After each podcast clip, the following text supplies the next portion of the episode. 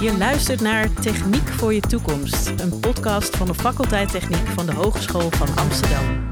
In deze aflevering hebben we het over Designing Future Cities. En de centrale vraag van vandaag is: hoe ziet de stad van de toekomst eruit? En deze vraag gaan we beantwoorden met twee onderzoekers van de faculteit Techniek. Links van mij zit Laura Klerenkoper. Welkom Laura. Dankjewel.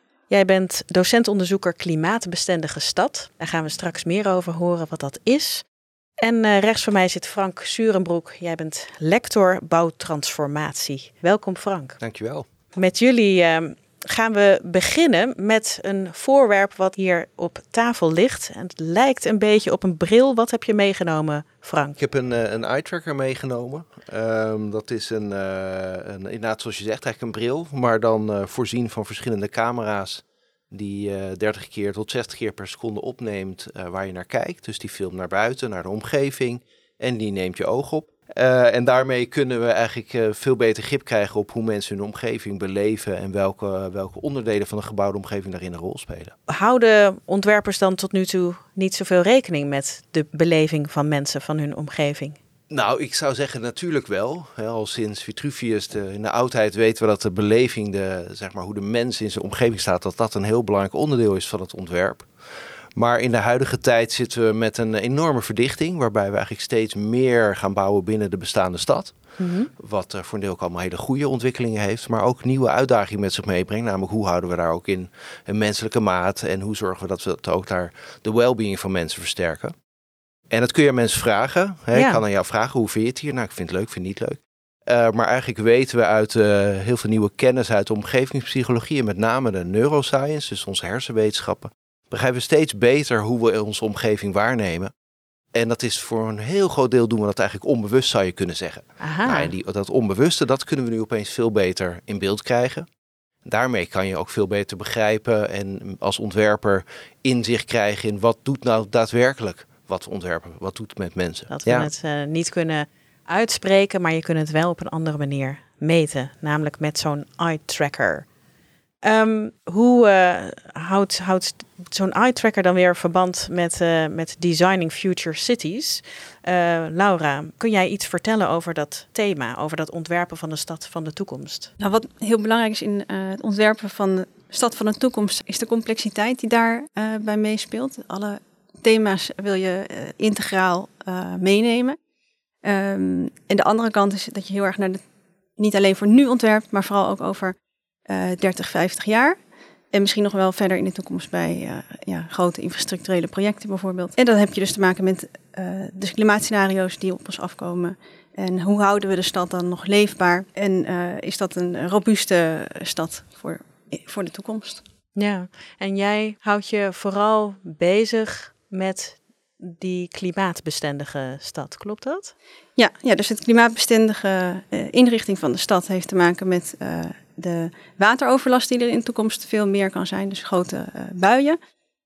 maar ook hittebestendigheid. Dus hoe richten we steden in die ook tijdens een extreme hitteperiode nog steeds leefbaar en veilig zijn. De derde eigenlijk is droogtebestendig. De manier waarop steden nu inrichten, waar ook die onderdeel zijn van de oplossing, bijvoorbeeld met groen, die moeten ook in de toekomst tijdens zo'n droogte blijven functioneren. En hoe doe je dat? Nu ben ik benieuwd in, in hoeverre dat leefbaar maken van de stad, het, het klimaatbestendiger maken van de stad, nou samenhangt met jouw lectoraat, uh, Frank, bouwtransformatie. Kun je daar een link tussen leggen? Ja, zeker. Het is een, uh, ik zou er eentje aan toe willen voegen en dat is voller.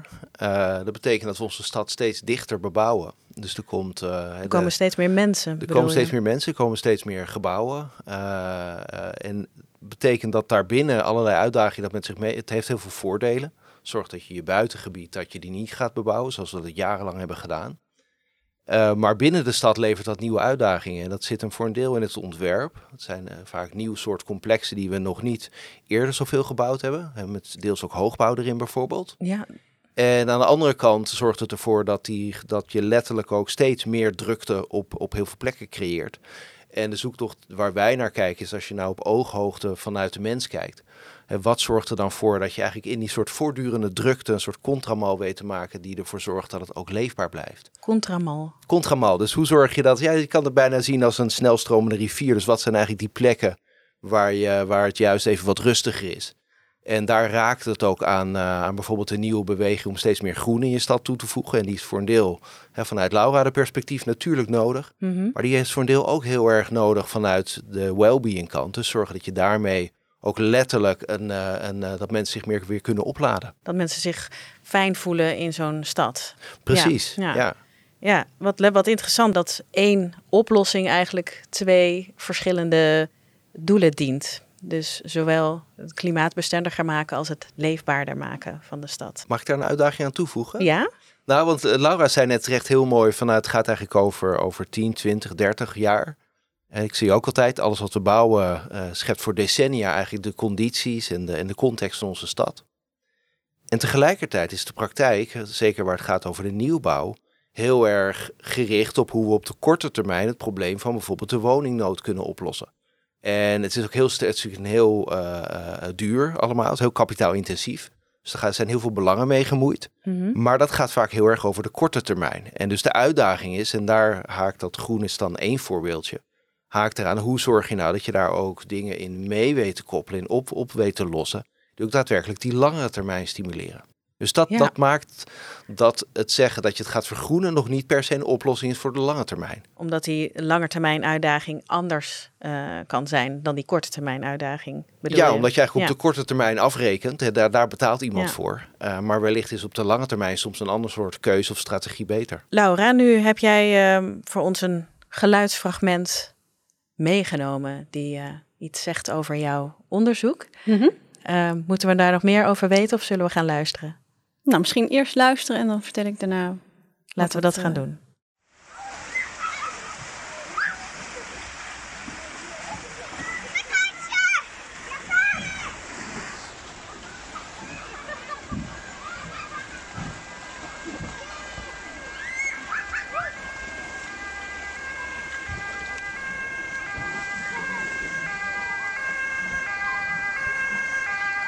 Wat eh, hoorden we, Laura? Nou, ik, ik hoop dat iedereen nu een, een heel prettig idee eerst eh, kreeg eh, van een vrolijke plek waar kinderen spelen met water. Op Mhm. het moment dat het warm is, gaan mensen naar buiten. En als je de stad goed inricht, zijn daar plekken voor bijvoorbeeld spelende kinderen die daarvan kunnen genieten. Ja, van die fonteintjes op zo'n plein. Precies, Ja. en dat, dat zijn hele belangrijke plekken voor kinderen. Want kinderen zijn ook kwetsbaar tijdens het- hete periodes. En dan is zo'n eh, spelen met water is heel eh, effectief voor ook afkoeling. Ehm, en natuurlijk heel eh, leuk voor kinderen. Ehm, Maar hoor ik. ja, nou goed, het is, wat ik daar ook mee wil aangeven is dat het inrichten van de stad voor hittebestendigheid in dit geval heel lokaal speelt. Want op de ene plek waar jij het, waar het hittebestendig is ingericht en waar je de kans hebt om naartoe te gaan, als je die kans hebt, eh, dan spelen er op andere plekken, kan het heel heet zijn en eh, kunnen er dus mensen werkelijk aan overlijden aan hitte. De positieve en de negatieve kanten van die hitte. dat contrast, dat is er eh, ja, in ruimtelijk opzicht tijdens zo'n hete periode. maar misschien ook in sociaal opzicht. Mensen die toegang hebben tot een koele ruimte, of een koele woning. ehm, ja, te- tegenover mensen die dat niet hebben. En daarom is het extra belangrijk dat we de openbare ruimte en ook openbare plekken verzorgen waar iedereen terecht kan. Hoe kan je dan voor eh, oudere mensen die niet in fonteintjes willen spelen, zorgen dat het toch een fijne stad blijft in de hitte? Ja, wat wij eh, eh, veel horen is dat tijdens hitte ouderen vaak binnen blijven. En dan is het natuurlijk heel belangrijk dat je je binnenruimte eh, goed eh eh, zorgt dat er zonwering is bijvoorbeeld. En dat je mensen bereikt en dat ze voldoende drinken. Maar ook de ruimte zo inrichten dat er vanuit hun woning een, een route is naar een koele plek. Waar ook voldoende schaduw is in die route. Want we hebben nu bijvoorbeeld onderzoek doen we naar ehm koele plekken in de stad. Is dat voldoende? En waar wil je die? En hoe richt je die in? Maar ze moeten er ook, ja, je moet er ook kunnen komen op een goede manier. Ja. Dus het is ook weer een integraal verhaal wat je daar eh, moet bekijken. Ja, daar hebben jullie ook uh, twee boeken over geschreven. Ik zat even te spieken hoe ze heten. Een koele kijk op de inrichting van de buitenruimte, Cool Kit. En een boek Het klimaat past ook in uw straatje. Ja, dus die, die koele kijk op de inrichting van de buitenruimte uh, gaat heel erg over welke mogelijkheden hebben we om in de stad koele plekken in te richten, maar ook uh, uh, ja, hoe kunnen gemeenten dat zo doen dat je daar ook een strategie op, op kan maken. En daaruit hebben we de Coolkit ontwikkeld. En dat gaat meer over ruimtelijke inpassing en hoe je in verschillende wijktypes dat kunt, het beste kunt doen, wat kansrijke middelen zijn. Dus elke ehm, wijk heeft weer andere oplossingen om het klimaatbestendiger te maken. Dat beschrijven jullie in het boek. Ja, dat andere publicatie die je noemde, dat is het klimaat past ook in uw straatje. Dat ging heel erg over hoe je nou waterbestendig kunt inrichten. Het zorgen dat de stad of de straat beter om kan gaan met wateroverlast en met hitte. Ja, en die wateroverlast bedoelen we echt de extreme buien. Uh, Waarin je dus in hele korte tijd enorm veel water te verwerken krijgt en het riool dat niet aan kan. En dan uh, is het heel belangrijk dat je in eerste instantie uh, op het maaiveld plek creëert. Dus maak ver, verdiepingen of zorg ervoor dat er een bassin is waar het heen kan stromen. en eigenlijk ook meer infiltrerend oppervlak. Daar is het dan heel belangrijk om die bui ook weer te laten weglopen. Ja, hartstikke duidelijk.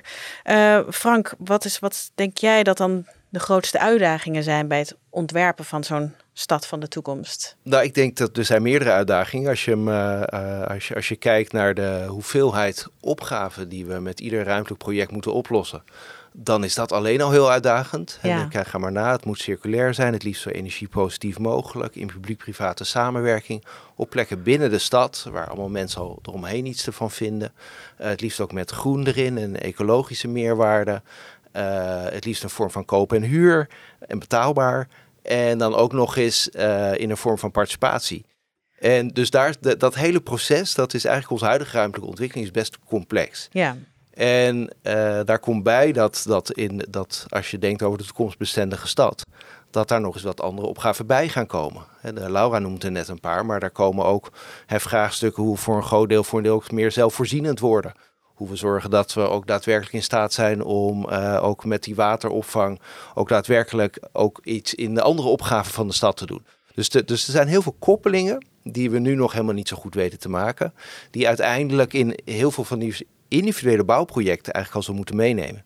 Dus die toekomstbestendigheid zit voor een groot deel erin hoe je eigenlijk die meer gefragmenteerde manier van de stad maken, hoe je toch die individuele gebouwen of gebouwdelen weet te koppelen aan eigenlijk opnieuw op systeemniveau uh, de basis leggen voor straks. Want dat weten we nu nog niet, hoe alles met elkaar samenhangt. Nou, kijk, de, de, de kennis over hoe het moet hebben we best wel. Maar de, in de praktijk, ik noem het graag vaak altijd anticiperen op verbazing. Die projecten zijn altijd vrij complex en aan het eind blijkt dat je toch niet alles hebt kunnen betalen. En dan moeten er snel keuzes gemaakt worden. Ja. En een van de dingen waar wij naar kijken is, van, nou, hoe kan je nou beter überhaupt begrijpen welke keuzes er dan gemaakt worden? Ze hebben net tien verschillende verdichtingsplannen met elkaar vergeleken. Gewoon simpelweg in kaart gebracht van nou, hoe waren de ambities en hoe is het daadwerkelijk uitgepakt. En juist omdat die praktijk zo gefragmenteerd is en ieder project met zijn eigen begroting, en het gaat over miljoenen, aan de gang gaat, wil je eigenlijk daarmee laten zien of beter zichtbaar krijgen nou ja, welke verbazingen je straks wellicht zal tegenkomen, maar welke dingen je ook met elkaar afstemt, wat essentieel is om met het gebouw of met die omgeving daadwerkelijk te realiseren. Ja, zodat je weet aan welke knopjes je allemaal zou kunnen draaien of moeten draaien. Exact, ja. En daar helpt dus die eye-tracker die in het begin naar vroeg, daar helpt hij bij, omdat we daarmee ook inzichtelijk kunnen maken hoe uiteindelijk keuzes die we in het ontwerp maken op de begaande grond of hoe we die verdichting proberen te verzachten naar de gebruiker op gebouw op straatniveau. Dat je die uh, daarmee inzichtelijk maakt en dus ook kan bewijzen van hey, meer evidence-based. Dit is echt van belang voor vanuit het perspectief van de gebruiker. En dat is een van de middelen die je nodig hebt om met elkaar een stad toekomstbestendig te maken. Beter weten hoe het gaat worden. Ja, want is er, is er een uh, gevaar dat als je de stad gaat verdichten, dus als je steeds meer hoogbouw krijgt, dat dan de well-being, zoals jij dat zo mooi zegt, dat hij dan daalt? Nou, ik zou dat nooit op die manier zeggen. Ik denk de, de, de, wat we weten vanuit de literatuur is dat, dat, dat uh, grote dichtheden en zeker ook hoogbouw, het is niet alleen hoogbouw, dat die, dat die uh, gerelateerd zijn aan allerlei sociale, maar ook gezondheidsproblemen. En de uitdaging is, omdat dit een hele nieuwe vorm van bouwen is, nieuwe vorm, zeg maar zo, hebben we in onze steden nog niet veel gebouwd. Nee? Dat eigenlijk de ontwerpoplossingen die we daarvoor naar voren brengen, dus bijvoorbeeld dat je zegt de hoogbouw, zet je iets weg van de straat of je maakt een, uh, een wat ze dan noemen een stedelijke laag, dus de, de eerste vijf of zes verdiepingen, waardoor je toch een soort straat creëert. En je doet uh, een actieve plint, dus begane grond. Die komen eigenlijk uit meer of de 19e eeuwse stad, of die komen uit voorbeelden als Vancouver. En of die bij ons ook gaan werken, ja, dat moeten we eigenlijk nog gaan ontdekken. Ik, als, ik zit de hele tijd te denken, maar wat versta jij dan onder hoogbouw? Want in de, de Belmer was ook best hoog. Of bedoel jij nog veel hoger? Nee, momenteel liggen er uh, op, op de tekentafel of in de plannen veel hogere gebouwen. Oh, en hoe dat, hoog is dat dan? Nou, Rotterdam die wil natuurlijk graag echt hoog. Dus die gaan wel echt naar de 150 of bijna 200 meter. Maar ook op heel veel andere plekken zie je dat dat wel een typologie is. Een, een bouwvorm die die nou, van verwachten dat die de komende jaren gerealiseerd gaan worden. Dus dat is eigenlijk nog een heel nieuwe tak van sport in Nederland, hoe dat in Nederland nou, met name wat je noemt net bij, met name omdat eigenlijk de hoogbouw nu, wat je dan in, in architectuurtermen noemt, oplost in het bouwblok. Oftewel, je zet ze niet heel koud aan de straat neer als één grote toren, Mhm. maar je maakt ze onderdeel van een meer traditioneel blok. Dus zeg maar zoals we dat gewend zijn. Ja. Maar dat zijn eigenlijk nu nog mooie veronderstellingen dat dat ook goed gaat werken. Dat je die toren dan niet zoveel ziet bijvoorbeeld. Nee. Of dat je, dat je ook daadwerkelijk op alle plekken groen kan maken. Nou, ook dat is nog een grote uitdaging of dat echt zo gaat uitpakken. Nu zeg jij van nou, het is eigenlijk nog heel nieuw. Maar we gebruiken die bril om te meten hoe me, wat mensen ervan vinden. Maar het is er nog eigenlijk helemaal niet. Dat snap ik even niet. Waar meet je dat dan? Nou, dat is een goede vraag. Dat is precies het veld van de neuroarchitectuur, wat een heel nieuw, uh, nieuw onderzoeksveld is waar we middenin zitten. En dat doen we niet alleen, dat doen we ook met uh, allemaal partners die, uh, die, uh, die over de hele wereld hiermee bezig zijn aan het pionieren. En dat doen we door bijvoorbeeld met zo'n bril kun je op bestaande situaties die een beetje lijken op wat er gaat gebeuren, daar kun je het mee meten. We oh. doen ook met onze partners in Amerika, die dan op situaties waar dat al is, dat gaan meten. Maar we doen het ook op plekken met in het lab, zoals we dat noemen waarin je eigenlijk op basis van foto's of fotomontages het test. Oh. En eigenlijk die samen, dat geeft inzicht over, in combinatie natuurlijk met ouderwetse interviews en dergelijke. Kunnen geeft mensen... inzicht in wat dat dan gaat doen. Ja, bij die foto's moet ik me daar virtual reality dan bij voorstellen? Dat nee, niet alleen. Niet oh. alleen. Nee, je kan ook foto's, als je ze maar zo neemt, we hebben daar een heel protocol voor ontwikkeld. Dan kunnen ze wel een, een, een nou, representatief zijn, eigenlijk een, een voorbeeld zijn van wat er gaat gebeuren. En dat hoeft niet alleen Photoshop te zijn, dat kan ook al uit bestaande situaties. Of toekomstige ontwerpen van toekomstige, en toekomstige gebouwen. Daar zitten we nu in. Bijvoorbeeld met de Zuidas zijn we daar samen aan het werken om ook die nieuwbouw die daar komt te helpen uh, testen nu eigenlijk gedurende het ontwerpproces. Op, uh, op de manier waarop dat gaat uitwerken op de gebruiker. Dus het gaat ook over dat je eigenlijk probeert toepassingen die nieuw zijn in het vakgebied en waar men een beetje schuchter wellicht voor is, om te laten zien van hé hey, kijk, als we dat vergelijken met bestaande materialen, levert dat eigenlijk net zo goed of misschien zelfs een beter of soms slechter resultaat op. Dus het helpt ook om, eigenlijk op verschillende terreinen om nou ja, innovatie te helpen mogelijk maken. Ja, precies. Zullen we eens kijken, wat was onze grote vraag uh, van vandaag? Hoe ziet die stad van de toekomst er dan echt uit? Wat ik voor me zie, uh, is dat we eigenlijk nu nog relatief veel geld hebben om echt te investeren. Dus ik denk dat we dat... Uh, uh, ik zie dat niet als iets vanzelfsprekend op de lange termijn. Dus ik denk dat we nu wel echte keuzes nog kunnen maken. En ik denk dat als je het kijkt over, over de gebouwen en over letterlijk de nieuwbouw die we doen. Ik denk dat als we op een andere manier gaan kijken naar die nieuwbouw. Niet als iets wat een consumptieproduct is per se. Maar dat het eigenlijk iets gaat produceren. Dat is een nieuw begrip, regeneratief heet dat.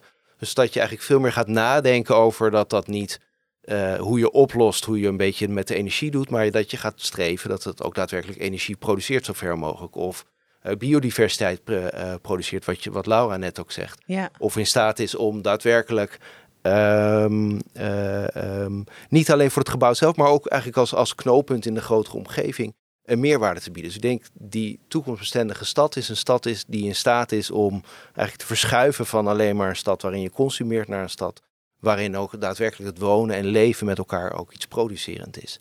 Op zowel de klimatologische als de biologische, maar ook denk ik op de menselijke onderdelen. Dus een nieuw project bijvoorbeeld waar we op inzetten is weer iets anders, is ruimte voor werk.